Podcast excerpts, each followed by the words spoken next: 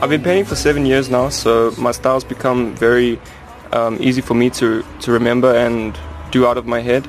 So the style that I've been working on is called a wild style piece and I've been painting it for like over four years now so it's kind of the same style every time which I just add on to each time um, but it's out of my head and it's the, my own letters that I've invented myself.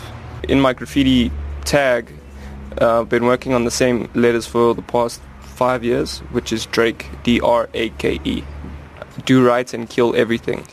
Die persepsie bestaan nog steeds dat graffiti vandalisties is, maar Justin verduidelik wat hy daaroor dink en vertel meer oor die term tagging.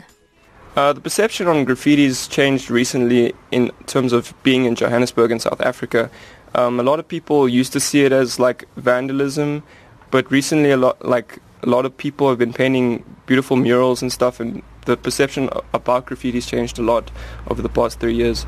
But um, most graffiti artists have to start out by doing those simple tags, and it starts out looking bad. But you need to you need to get through that process to become a, an established artist, and by practicing all those different lines and techniques. Die graffiti kunstenaars maak gebruik van 'n spuitkannetjie om die muur te verf. Maar hoeveel beheer het jy nou werklik oor die verf wat uit die spuitkannetjie uitkom? Justin verduidelik. Uh, the paint that I use is imported from Germany, so it's like the top quality paint that you can buy.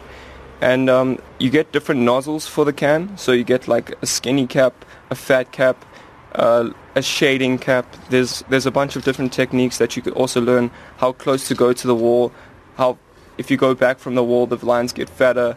The faster you flick your wrist with onto the wall, the the skinnier the line becomes. And then you also learn how to cut back. So you the, the way the paint works if you spray it you can always come back with another color and cut that back to make a skinnier line or a sharper line Justin beoefen hierdie kuns al vir 7 jaar en op 20 jarige ouderdom het hy baie kennis al opgedoen. Hy deel sy geheim tot sukses.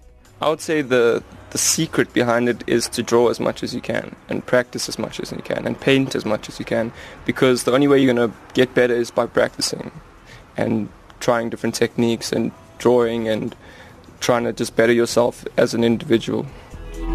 Video.